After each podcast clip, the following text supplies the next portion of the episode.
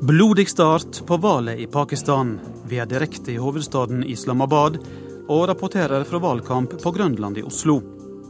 EU kan få nei til å slippe inn i Arktisk råd som observatør. Utfallet er helt åpent få dager før ministermøtet i Kiruna. Alt må gjøres for at fascismen aldri får gjenoppstå. Klare ord fra president Putin da Russland feirer 67-årsdagen for sigeren over nazismen i Tyskland. Den tyske forbundskansleren Angela Merkel er som vanlig i vinden, nå også på bokmarkedet. Og vi skal møte forfatteren av boka som den politiske dramaserien House of Cards er tufta på. Korrespondentbrevet det kommer fra Gry Blekastad Almås med britisk politikk som tema.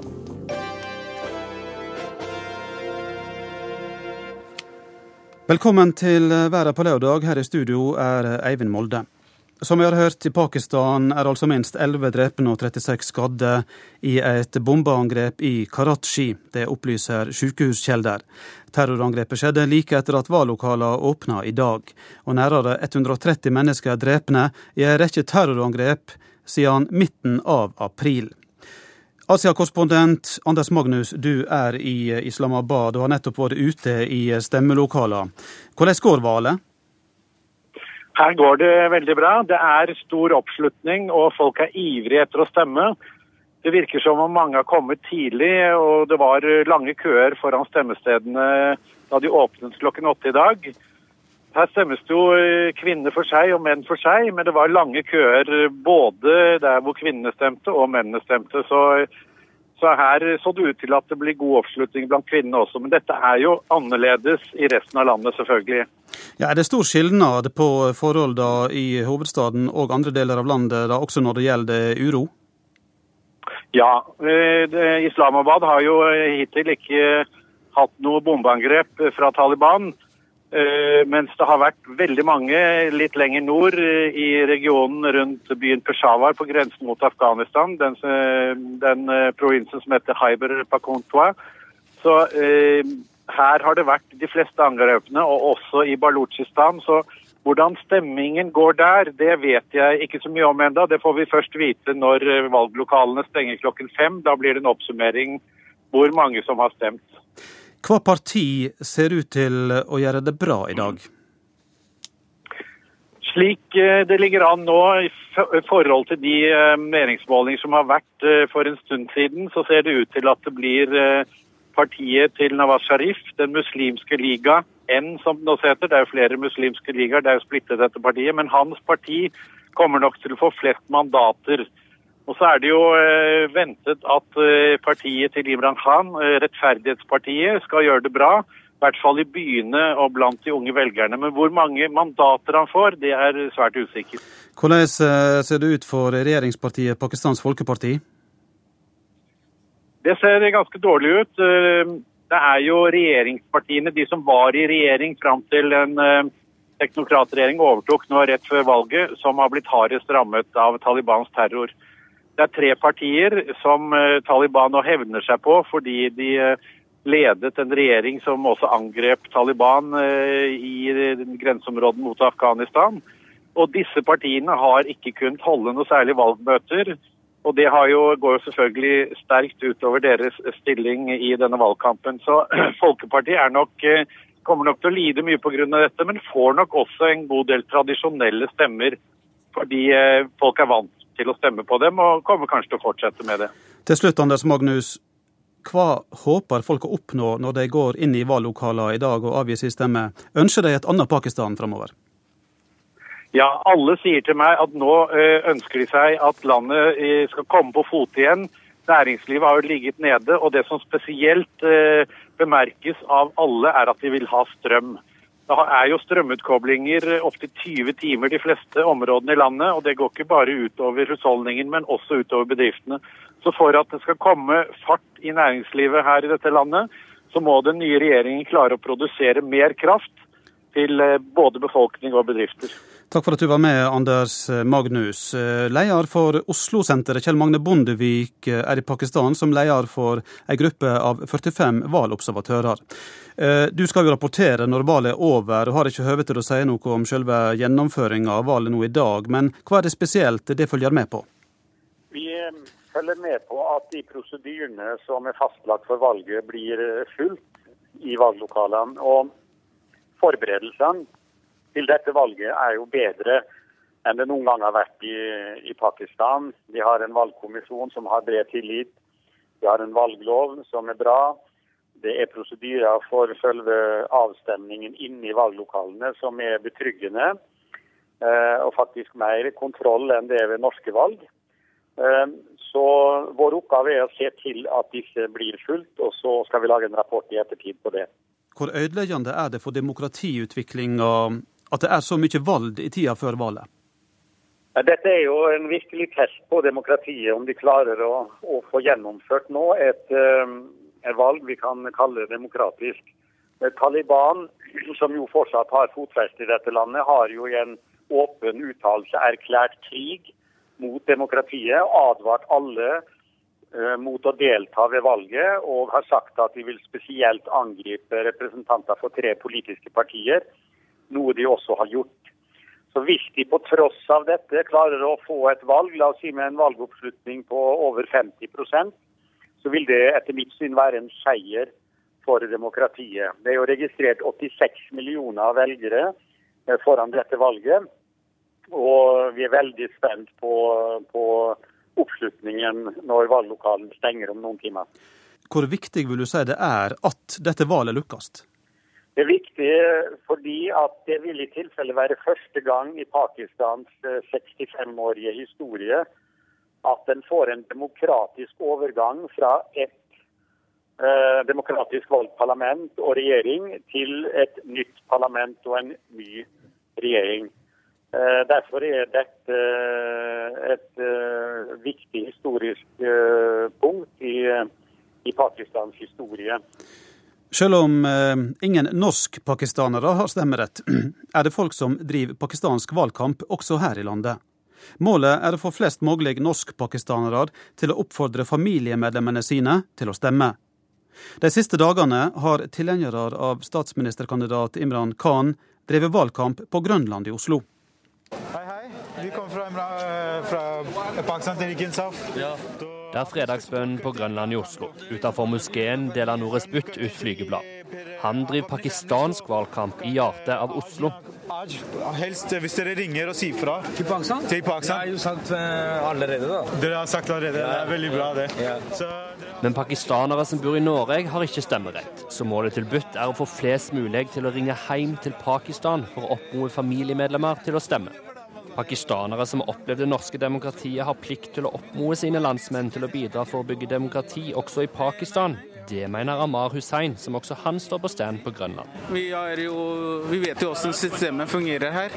Og eh, vil, det er det som er målet nå, å forklare eh, personer som bor der nede, hvordan systemet er, hvordan det fungerer. For de har aldri opplevd eh, og sett hvordan systemet er, og de, for dem så er det drøm det som er i Norge i dag, eller sånn systemet, det er for dem er drøm.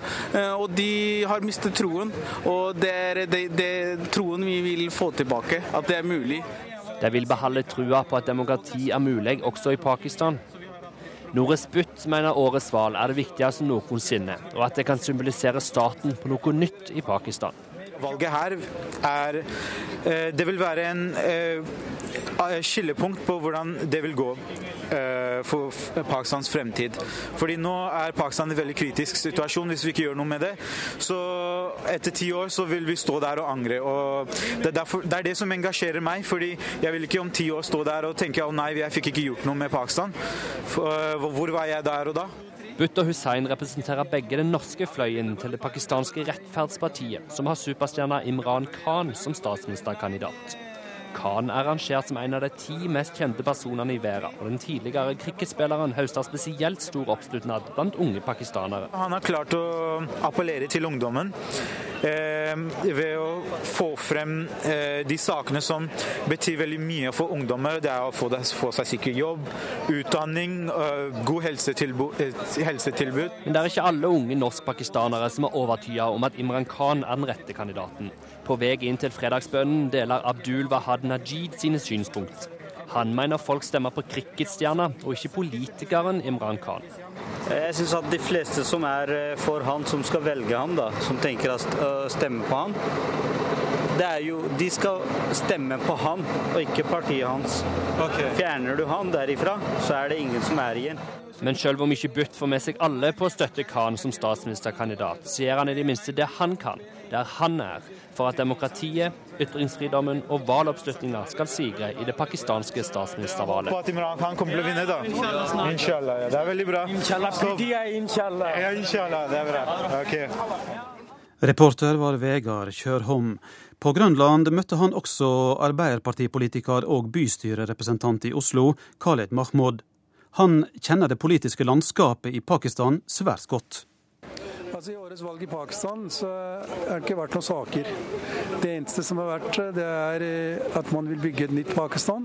Men hvordan den skal bygges Noen har sagt at de ønsker å bli kvitt korrupsjon. Eh, Khan har kjørt frem at han ønsker å bli kvitt de gamle lederne, som han mener er korrupte. Men av saker og av politikk så er det veldig lite å eh, se som da skiller disse partiene fra hverandre. De siste dagene har det skjedd mye i Pakistan. Den uroen, hva har det å si for valget? Altså Pakistan har vært igjennom hittil den, en av de blodigste valgkampene i sin historie. Det er jo ingen tvil om. Men eh, til tross for dette så har det vært i hvert fall en vilje hos folk flest i Pakistan til å vise motstand mot Taliban ved å si at vi må ikke få utsatt valget. Og valget er så langt ikke blitt utsatt. Derfor så øh, mener man at den har hatt en veldig høy pris i form av, av mange drepte, mange sårede. Så er det i hvert fall vært veldig viktig å få gjennomført valget, og på den måten øh, kan man si at det er en ny begynnelse for demokratiet i Pakistan, hvor man er enige om å avholde valget. Det er mange mulige utfall av valget eh, i Pakistan. Er det noen utfall som er, kan føre til mer uro enn andre? Ja, altså Det mest urolige som kan da skje, det er at som sagt at dette valget også er resultatet av at vi for første gang ser en trekantdrama. Og de tre partiene, hvis de blir jevnstore, da har Pakistan et veldig stort problem. Eh, enten fordi disse partiene så langt har vanskeligheter for å eh, gå sammen og samarbeide. Og da kan det eh, føre til en veldig ustabil situasjon, eh, som kan føre til svake regjeringer. Det kan hende at man må bytte regjering underveis. Alliansene skiftes. Eh, og det kan også hende at man kanskje får et nytt valg eh, før eh, regjeringsperioden eller valgperioden går ut om fem år.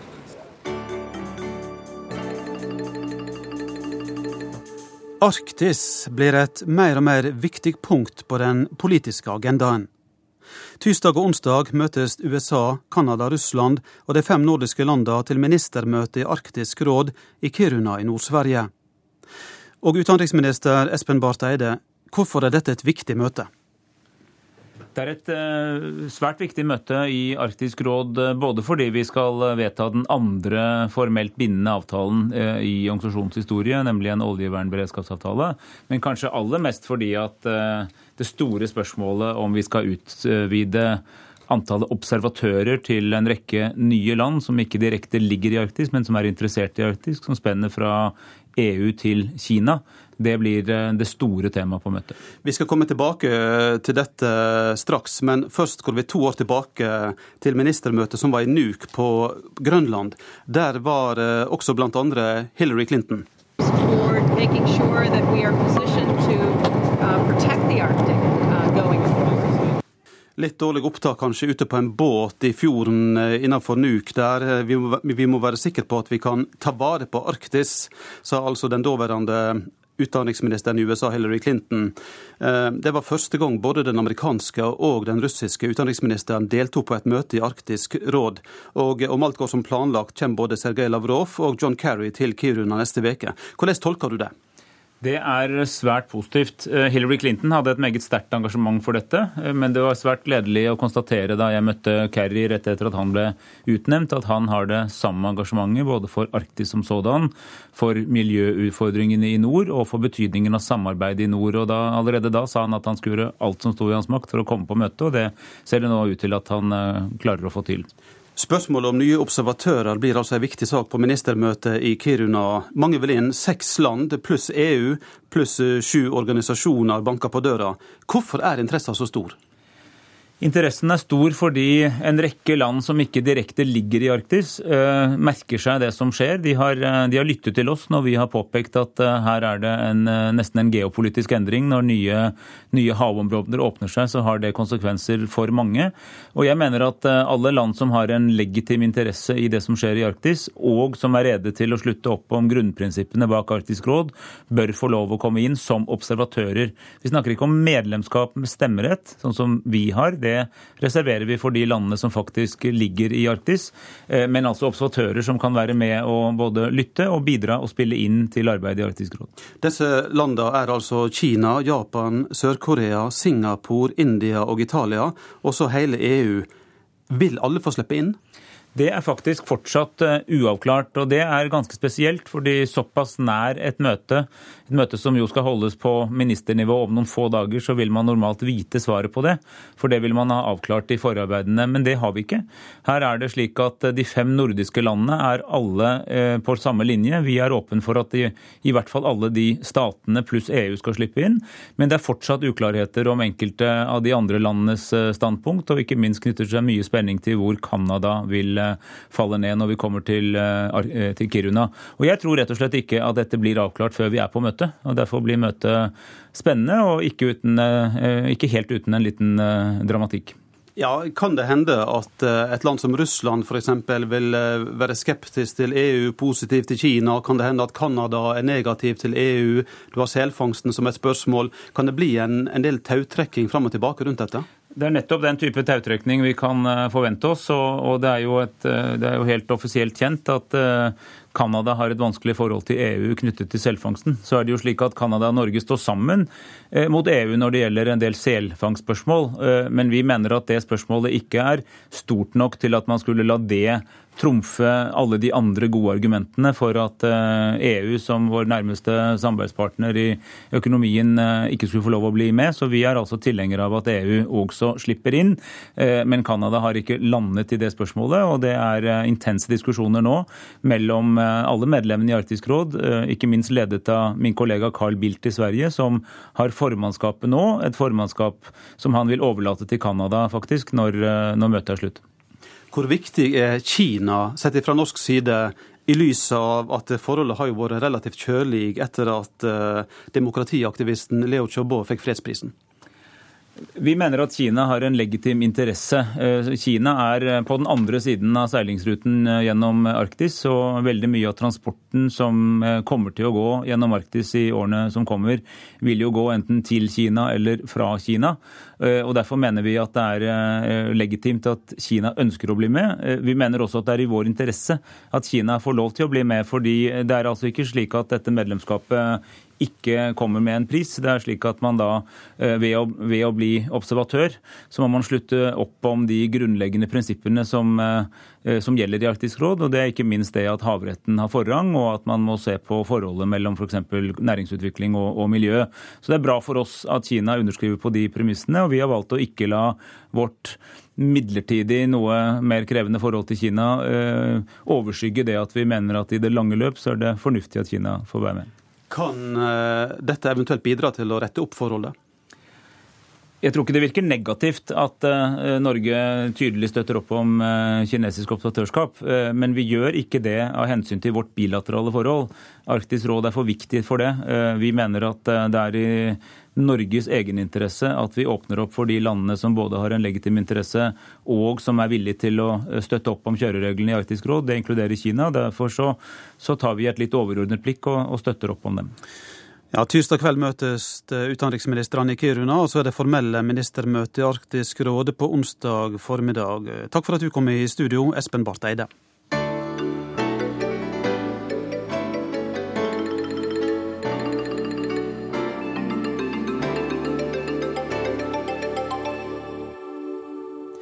Denne veka feirer Russland 67-årsdagen for sigeren over nazismen i Tyskland den 9. mai. Og president Putin sa at alt må gjøres for at fascismen aldri får gjenoppstå. Men russiske aviser skriver nå at tyskerne begynner å bli trøtte av stadig å måtte vise anger for 67 år gamle brotsverk under den andre verdenskrigen.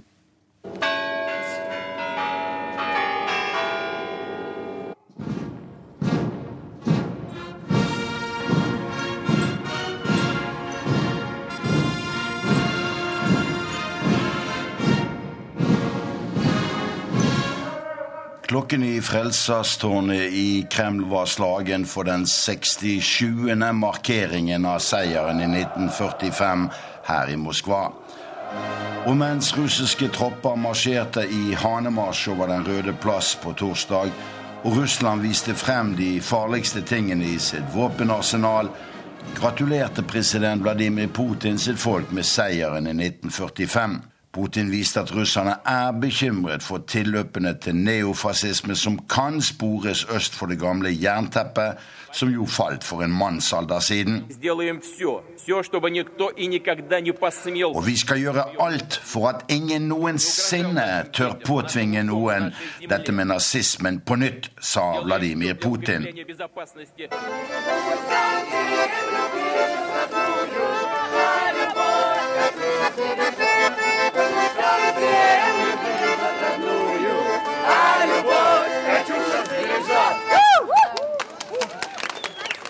Etter militærparaden var det folkefest her i Moskva med veterantreff foran Balsjoj-teatret. Ungdom iført gamle uniformer fra Den røde armé under andre verdenskrig marsjerte lystig rundt og sang Den røde armés mest populære kampsang, Katjusja.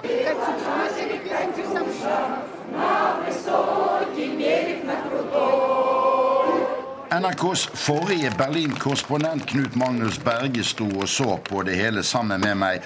Og Hvilke inntrykk gjør denne russiske kraftmarkeringen på deg, Knut Magnus Berge? Det gjør jo først og fremst et voldsomt inntrykk på meg som norsk nordmann født lenge etter krigen. Det er jo en enorm eh, feiring, og hele byen er jo stengt av, de sentrale delene. Så det er en massemønstring helt ulikt noe en kan finne i Berlin f.eks. Sett med tyske øyne, og den kunnskap du har om det. Eh, tror du tyskerne føler russerne holder krigsminnene kunstig ved like? Jeg tror først og fremst, eh, eller jeg har et inntrykk av at dette er veldig viktig for russerne. Og Det er noen sånne sentrale fakta som for meg har vært viktig for i det hele tatt å skjønne noe av krigen. Og det er jo eh, sentrale statistikker som at halvparten av de 60 millionene som døde, var jo herfra. Eh, halvparten av de 6 millioner jødene som ble eh, drept av eh, Nazi-Tyskland, var polakker. Eh, vi i Norge, iallfall min generasjon, har jo en følelse av at krigen var noe som foregikk i Norge og i Vesten, men det var jo her det foregikk, ikke sant? Ja, Stalingrad var krigens vendepunkt. Panserslaget ved Kursk var krigens største panserslag. Vet tysk ungdom noe av hva besteforeldrene deres gjorde her under andre verdenskrig? Tysk ungdom lærer masse om krigen. Eh, jeg husker en venninne av meg som eh, var et par og 20 år når jeg var der. Hun fortalte at de lærte så mye om andre verdenskrig på skolen at hun mente at det nesten kom til fortrengsel for andre ting ved historien som det kanskje også hadde vært interessant å lære noe om. Så Det er jo en sentral del av tyskernes oppgjør med sin egen fortid, at de lærer mye om krigen i skolen. Ja, og selv russiske aviser skriver jo nå at det er visse tretthetstegn i Tyskland, at tyskerne er lei av stadig måtte angre på det de gjorde for 67 år siden. Ja, altså Hvis du går i Berlin, så, så, går det jo ikke en meter i det sentrale Berlin uten å bli minnet på uh, fortida. De har jo reist minnesmerker over sin dystre, mørke fortid overalt i hovedstaden. Og det slår jo oss som utlendinger. Eh, eh, russerne er jo um, opptatt av eh, dette med nyfascismen, som vi ser i Mecklenburg-Vorpommern, og særlig i det gamle Øst-Tyskland. har du gjort deg noen tanker om hvorfor nyfascismen blomstrer, særlig øst for det gamle jernteppet. Ja, det er vel av de grunner som vi snakker om nå. At uh, vesttyskerne og forbundsrepublikken tok jo dette oppgjøret. Og de har jo ikke det de er gjort i samme, samme grad. Og det er jo også slik at de høyreekstreme er jo representert i parlamentene i de østtyske delstatene på en helt annen måte enn i Vest-Tyskland. Så jeg tror det er fordi at forbundsrepublikken var mye flinkere til å ta dette oppgjøret med sin egen fortid. Nå så vi jo at, eh, at de dro atomraketter og tanks og masse tropper over Røde plass eh, for å markere denne 67-årsdagen etter freden i 45. Er det en litt sånn gammeldags styrkemarkering sett med tyske og vesteuropeiske øyne? Jeg syns det er veldig fremmed. Jeg synes det er veldig fremmed først og fremst som nordmann. Vi feirer jo 17. mai med barnetog, eh, og det er vi stolte av med rette. Her feirer de jo nasjonaldagen slik de gjør i Russland, med militærparader. Og Det er jo ikke fremmed også i vesteuropeiske land. I Paris feirer de òg med militærparade. Så der er det vel kanskje vi nordmenn da, som skiller oss ut.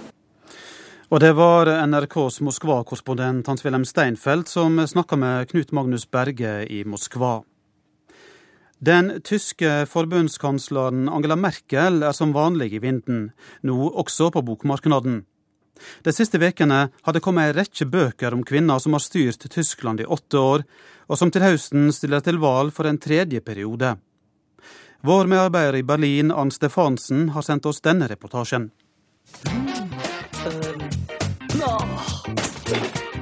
Tyske satirikere har en enkel oppgave. For landets leder, Angela Merkel, er ingen stor folketaler.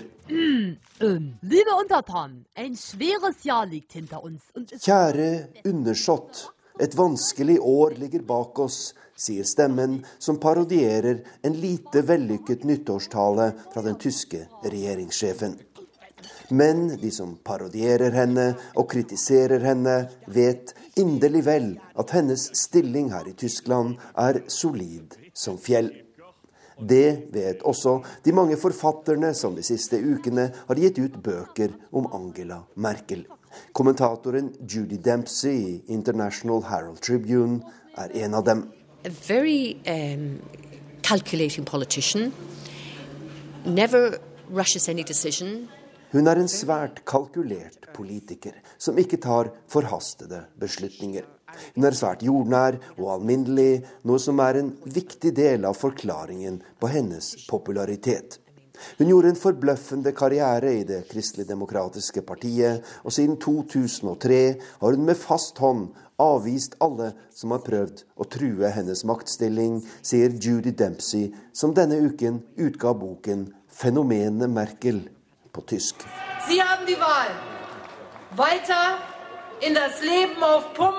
Hun ble Tysklands første kvinnelige forbundskansler etter valgseieren i 2005, og til høsten stiller hun til valg for en tredje periode.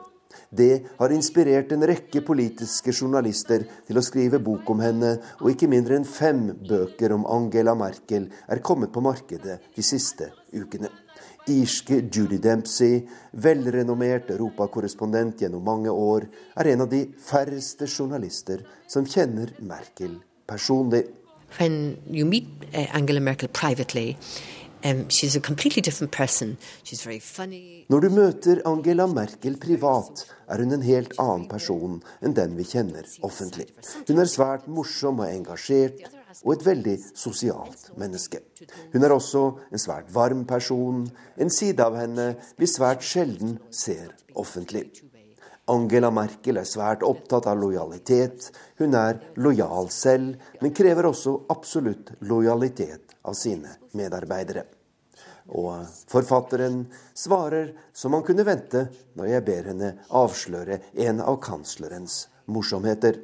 I'm not going to tell you that. It's.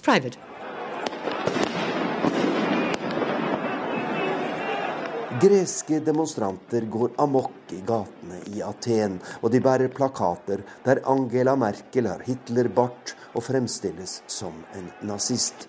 Dypt uverdig og svært urettferdig, sier forfatteren Judy Dempsey. Men hun forstår raseriet og den dype fortvilelsen som rår i det sørlige Europa, og hun er langt fra overbevist om at eurokrisa er under kontroll.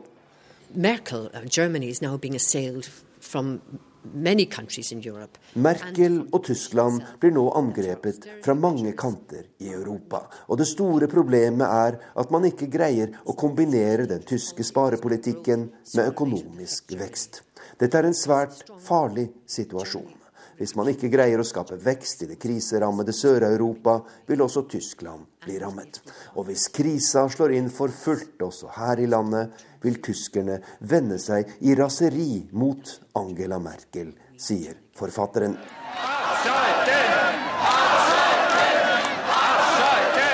Hundretusener av tyskere går ut i gatene etter atomulykken i Japan for drøyt to år siden. Og deres krav om å stanse de tyske kjernekraftverkene blir møtt med et forbløffende svar fra myndighetene. Angela Merkel og hennes regjering snur i atomspørsmålet, og Tyskland vedtar å avvikle hele sin atomindustri. She uh, actually had already overturned a decision by the Red Green uh, coalition Merkel hadde nettopp gått inn for å forlenge bruken av kjernekraft i Tyskland, men endret mening så å si over natten. Noe som viser at hun også kan handle impulsivt. Men ellers er hun en politiker som tenker seg om lenge og vel før hun handler. Og det er vel slik de fleste tyskere vil ha det, sier Judy Dempsey, europaekspert og forfatter av boken 'Fenomenet Merkel'.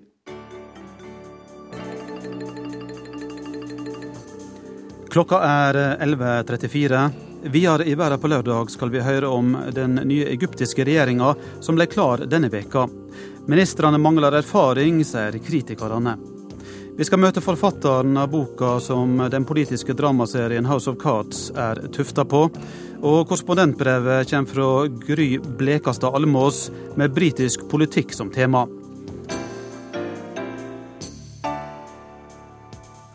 Vi har vært langt nord i denne sendinga, nå skal vi langt opp. For snart er det mulig å få kjøpt seg en billett ut i verdensrommet. I ørkenen i California har selskapet Virgin Galactic gjennomført den første rakettdrivende testturen, og i løpet av året skal de opp i rommet.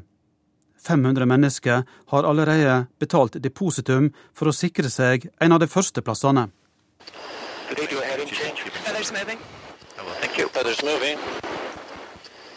Alt fungerer om bord i den merkelige farkosten. Den er ikke i rommet ennå, men uttestingen går sin gang. Det er Spaceship 2 med navnet Enterprise som er oppe i luften. Det som testes, er den unike konstruksjonen som skal gjøre det trygt å komme tilbake til jorden etter hoppet opp i verdensrommet. For decades, re-entry into the atmosphere has been one of the biggest challenges of spaceflight. It's been one of the more dangerous parts of space. Presidenten i Virgin Galactic, George Whitesides, forklarer prinsippet om fjærhalen, den som åpner seg slik at den hvite farkosten ligner mer på en badmintonball enn på et fly. Og som en badmintonball blir Spaceship 2 bremset mykt av atmosfæren.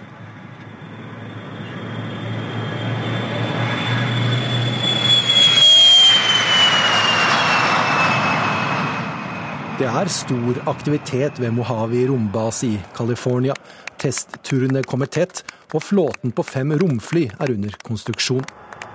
Nye medarbeidere blir ansatt, mange av dem fra NASA, nå som romfergene har sluttet å fly. I joined Virgin straight from NASA. Part of my job description was to be the final go-no-go in mission control from a Mike Moses er operasjonsansvarlig i Virgin Galactic. Han hadde tidligere en ledende stilling i NASA.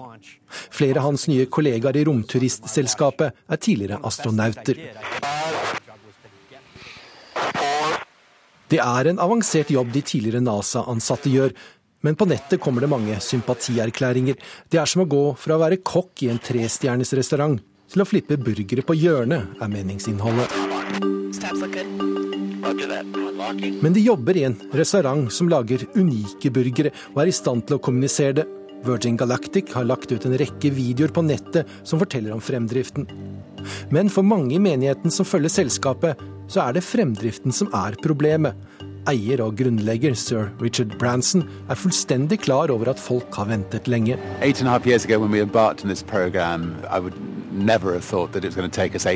Branson snakker om den siste i rekken av milepæler. Romskipet har nå for første gang tent rakettmotoren, og med den tenningen ble farkosten det første kommersielle flyet til å bryte lydmuren siden Concorde-flåten ble satt på bakken.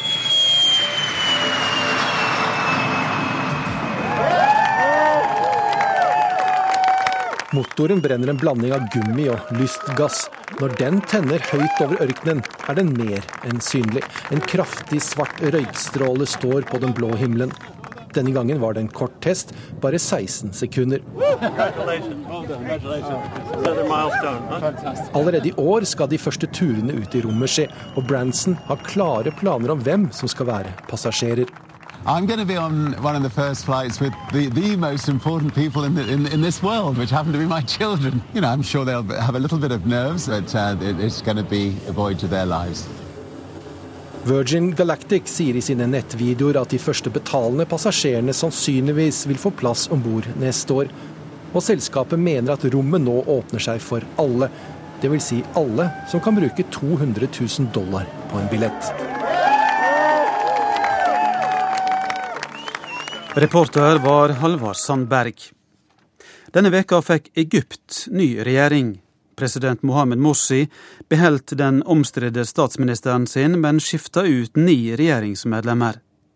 Vi er sjokkerte, sier redaktøren i den statseide avisa Al-Aram, som er den største avisa i Midtøsten. Den nye regjeringa bærer et mye tydeligere preg av det muslimske brorskapet som presidenten kommer fra, og de nye ministrene blir også kritiserte for å mangle erfaring. Sarkasmene sitter løst på gata i Kairo etter at den nye regjeringen ble annonsert denne uken. Og en av dem som får smake egypternes humor, er den nye investeringsministeren Yehya Hamid, tidligere talsmann for Det muslimske brorskapet og markedsfører i telekommunikasjonsselskapet Vodafone.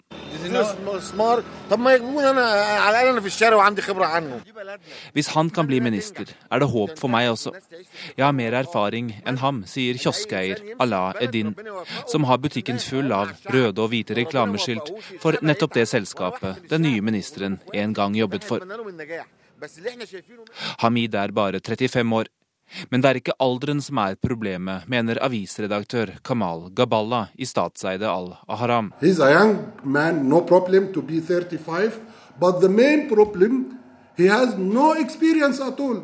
That's, he was one of the uh, Morsi's advisor working at the, the, the presidential house uh, presidential palace. So what?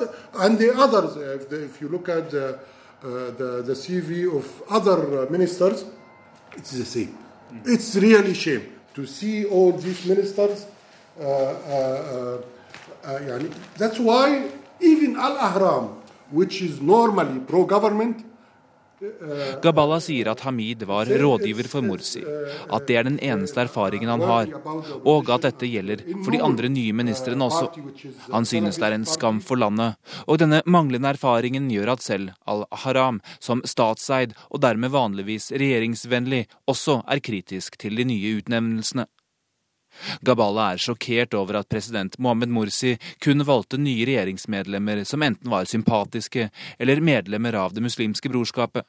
Han mener det ikke er en slik regjering landet trenger nå, midt oppi denne krisetiden.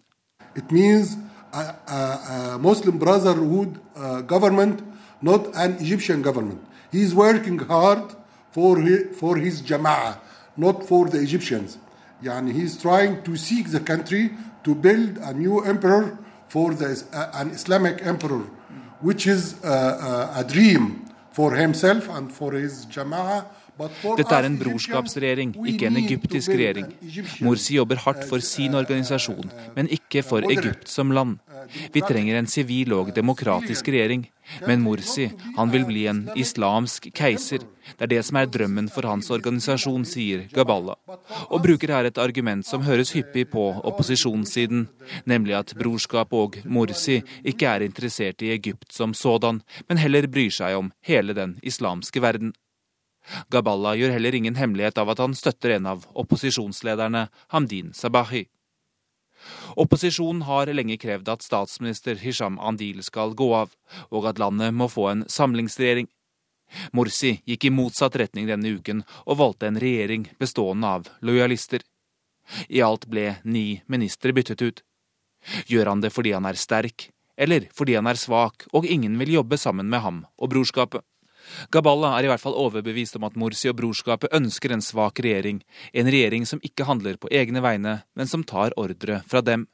They, they need to have ministers very weak to wait for decisions coming from Maktab If they if they are thinking, it will be a problem for the for the Muslim Brotherhood because they need these people, president and the government and everything. Men ikke alle egyptere er like negative.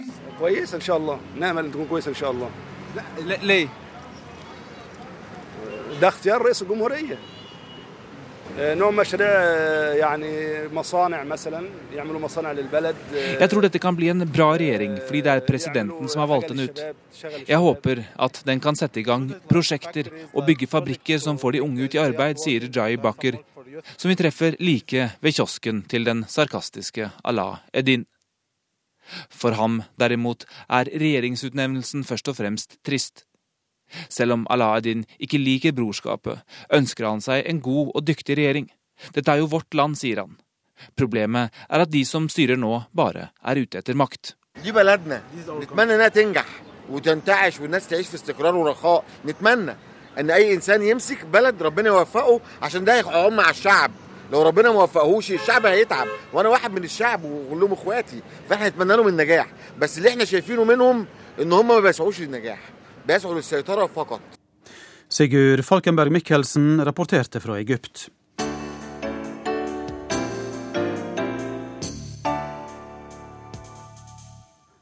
Michael Dobbs er mannen som i rent sinne over å ha blitt sparka som stabssjef av Margaret Thatcher i 1987, skrev boka som den politiske dramaserien House of Cards er tufta på.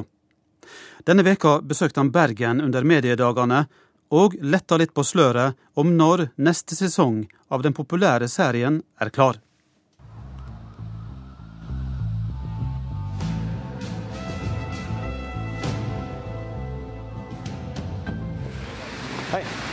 Vet du hvem det her er? Ja. Topps. Unnskyld, vet du hvem dette er? Ja, jeg har akkurat vært på sesjonen nå. Det var helt fantastisk gøy. Ja. Veldig morsom. Vet dere hvem dette er? Ja, det var uh, House of Cards. So people know you here in Bergen? Yeah, well, it seems. I, I, I must have been to too many bars last night. Men det var nok ikke bare pga. de sene nattetimene i Bergen interessen for mannen som i rent sinne på slutten av 80-tallet satte seg ned med en flaske vin og skrev det som senere har blitt vinterens store snakkis her hjemme, suksessserien House of Cards. I started writing House of Cards very shortly, days after the 1987 election campaign. That's when I'd been um, chief of staff to a young lady called Margaret Thatcher, and she had been in ferocious mood. Um, she had actually been really rather unkind to me. Um, we've gone through one of those really tough times that you go through in politics where we, we weren't seeing eye to eye. And uh, I knew as a result of that that my life in politics, I thought that my life in politics had come to an end. So I went away on holiday, and for all sorts of strange reasons, I wanted to see whether I could write a novel about politics. And I sat down beside a swimming pond, a swimming pool, with a bottle of wine and a pad and a pencil. And by the time I'd finished the bottle of wine, the only idea that I had were two initials called FU. And that seemed to summarize my um, entire experience of politics. Den ene vinen ble nemlig til flere, og bannskapen i de to bokstavene ble etter hvert til initialene til hovedkarakteren Francis Accart, eller Frank Underwood, som han heter i den amerikanske versjonen. Such a waste of talent. He chose money over power. In this town, a mistake nearly everyone makes. Michael Dobbs er i Norge for å snakke om TV-serien som igjen har satt livet hans på hodet. 25 år etter at den gjorde det for første gang. Og alt skyldes britenes egen jernkvinne, Margaret Thatcher. Kvinnen han var stabssjef for på 80-tallet, og som interesserte den unge Dobbs for politikkens indre gemakker. Margaret Thatcher was an extraordinary woman. Look, I, I fell out with her, but politics is a rough, tough business. Um, and, and, she was a rough, tough person. Great people, and she was a great person, always are rough, tough people. They're, you, they're, they're not, they're, they're, not comfortable people to be uh, around. Um, you could love her, or you could loathe her. And frankly, I did both, and sometimes all at the same time. Etter hennes død tidligere i år reagerte mange på at flere briter feiret den tidligere statsministerens død åpenlyst i gatene. Dette tror hennes tidligere statssjef bare ville frydet Margaret Thatcher. if there hadn't been demonstrations, I think that she would have been rather disappointed. Um, she want, I think it was Napoleon who once said that the greatest accolade for any politician is still to be hated a hundred years after their death. And, and in Margaret's case, I'm sure that she would still be delighted to be stirring people's passions a hundred years after her death. And the one thing that was never going to be written on her tombstone was were the words fondly remembered. That's not what she wanted, that's not what she set out to do, uh, uh and that wasn't what happened. So you actually think she would uh, enjoy the, the, the ride after her death? She would have been delighted that uh, she was still getting up the noses of those people that she had no time for and she did not respect. Nå kan også Dobbs, som er en av produsentene bak den neste sesongen av den populære TV-serien, lette litt på sløret og berolige de mange desperate seerne der ute.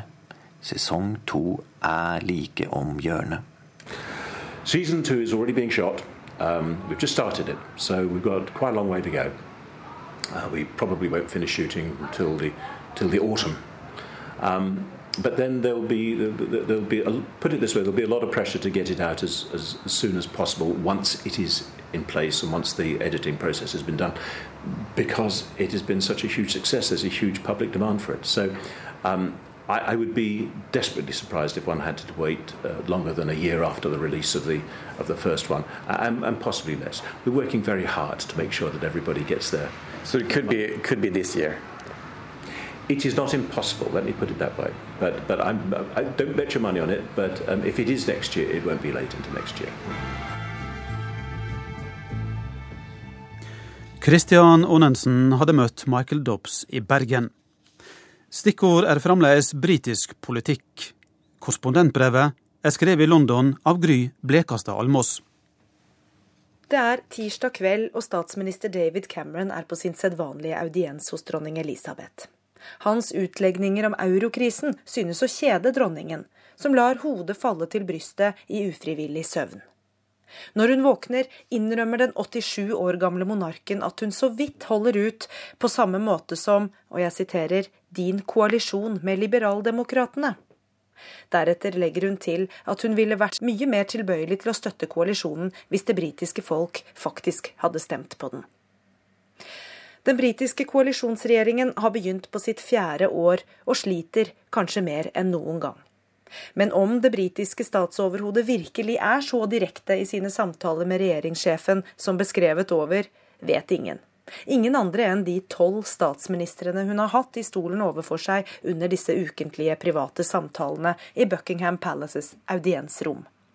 Scenen er hentet fra teaterstykket The Audience, som går for fulle hus i West End, med Helen Mirren i hovedrollen. Hvem sa at politikk var kjedelig? Stykkets suksess kan tyde på at folk fremdeles har en interesse for politikk, til tross for den politikerforakten som råder. Dramatiker Peter Morgan beskriver hvordan samtalene kan ha sett ut mellom regent og statsminister gjennom de 61 årene dronning Elisabeth har vært vertskap. Fra Winston Churchill til David Cameron. Stykket beskriver hvordan dronningen kanskje er den med mest politisk erfaring av dem alle. Konstitusjonelt har hun ingen politisk makt eller innflytelse, men i disse møtene uttrykker hun sine meninger. Utad støtter hun alltid regjeringens beslutninger. Denne uka gjorde hun sin plikt i så måte da hun åpnet sommersesongen i parlamentet og utbasunerte regjeringens politikk for det neste året. Men der var det ikke ett ord om den saken som er, og blir, den viktigste saken i britisk politisk liv, forholdet til Europa. Jeg skal en tur til Europa til sommeren. Det er så typisk europeisk. Nei, det er noe de diskuterer borte i Europa. Når britene snakker om Europa, så mener de ikke verdensdelen. De mener det europeiske kontinent, eller kanskje bare EU-landene. Uansett er det noe som ikke inkluderer dem selv. Storbritannia er ikke en del av Europa i dagligtale. Og det er sterke krefter for at de heller ikke skal være en del av Europa på papiret. En av de kreftene heter Nigel Farage. Det var en av de absurde situasjonene man kommer opp i som journalist. Vi slåss med TV-team fra inn- og utland om plassen i trengselen av mikrofoner og lange linser. Det var den dagen statsminister David Cameron skulle holde sin lenge annonserte tale om EU. Den viktigste talen i hans karriere. Han skulle love en folkeavstemning om britenes forhold til EU. Men det var ikke Cameron vi flokket oss rundt som noen nyttige idioter. Det var lederen for det britiske uavhengighetspartiet UKIP. Partiet som er tuftet på sin EU-motstand, som blir beskyldt for å vende kappen etter vinden på ytre høyre fløy, som er blitt stemplet av statsminister Cameron som en gjeng fruktkaker, gærninger og skaperrasister, med en leder som ofte blir omtalt som en klovn. Men Nigel Farage er blitt en mann man er nødt til å ta på alvor. Den dagen vi traff ham, var det ennå mer enn tre måneder til han skulle bli den store vinneren i det britiske lokalvalget og føre britene inn i en ny politisk virkelighet. Stakkars briter, som bare så vidt hadde kommet seg over sjokket fra parlamentsvalget for tre år siden, da verken Labour eller det konservative partiet fikk rent flertall, og liberaldemokratene ble et parti de måtte forholde seg til som et parti med makt. Nå har de fått et fjerde. Det nye politiske landskapet i Storbritannia har altså fire politiske partier. Smilet hans var så bredt og latteren hans så klingende den vinterdagen at jeg hadde vanskelig for å tro at ansikt og lattermuskler kunne tåle mer. Men det kunne de. 2. mai gikk nemlig velgerne i en rekke britiske kommuner til valg, og et skred av UKIP-kandidater sitter nå i kommunestyrene rundt omkring. Nesten hver fjerde velger stemte på et parti som knapt var representert i noen kommune før valget. Partiet ville vært langt større enn regjeringspartiet Liberaldemokratene, og bare et par prosentpoeng under det konservative partiet hvis dette hadde vært et nasjonalt valg, viser beregningene. Den som ler sist, ler best, er det noe som heter. Klovnen krever nå statsminister Camerons hode på et fat, ifølge kilder som står Farage nær. Han tilbyr seg altså å inngå et samarbeid med toryene mot at de bytter ut partilederen. Det er kanskje en grunn til at Camerons karakteristikker av Nigel Farage og kollegene i UKIP har endret stil. Nå sier han i det minste at de som har stemt på dem, må behandles med respekt. Det er liten tvil om at britenes EU-motstand er noe å ta på alvor. For Cameron og co. presses også innenifra. Nå tar også en av det konservative partiets nestorer til orde for å forlate EU. Nigel Lawson var finansminister under Margaret Thatcher og stemte for EU ved folkeavstemningen i 1975. Men sier han vil stemme mot i en ny folkeavstemning. Han mener EU er blitt et byråkratisk monster, og at det er på tide å stå på egne ben. Hans nye kurs kan få stor betydning for hvordan det konservative partiet behandler EU-spørsmålet framover. Det kan bli vanskelig for Cameron, som har sagt at han vil kjempe hardt for å få folk til å stemme ja til EU i 2017. Ferske meningsmålinger viser at 46% av den britiske befolkningen vil forlate EU, mens 35% vil bli. Men den samme målingen viser at dersom Cameron klarer å reforhandle avtalen med EU, slik at britene får mer av makten tilbake til eget parlament, da snur stemningen. Da er det et soleklart flertall for å forbli en del av unionen. Storbritannia har alltid rettet seg utover, sett på seg selv som en del av verden. Imperietiden er for lengst forbi, men samveldet av nasjoner er for mange briter en viktigere sammenslutning av land enn Den europeiske union. Det er en stor sak når samveldelandene møtes på Sri Lanka neste år. Og det er en enda større sak at det er prins Charles som skal representere Storbritannia der. Dronning Elisabeth er samveldets overhode, men hun blir hjemme. Det tolkes på to måter. Dronningen skygger banen pga. manglende menneskerettigheter på Sri Lanka, slik Canada også velger å gjøre.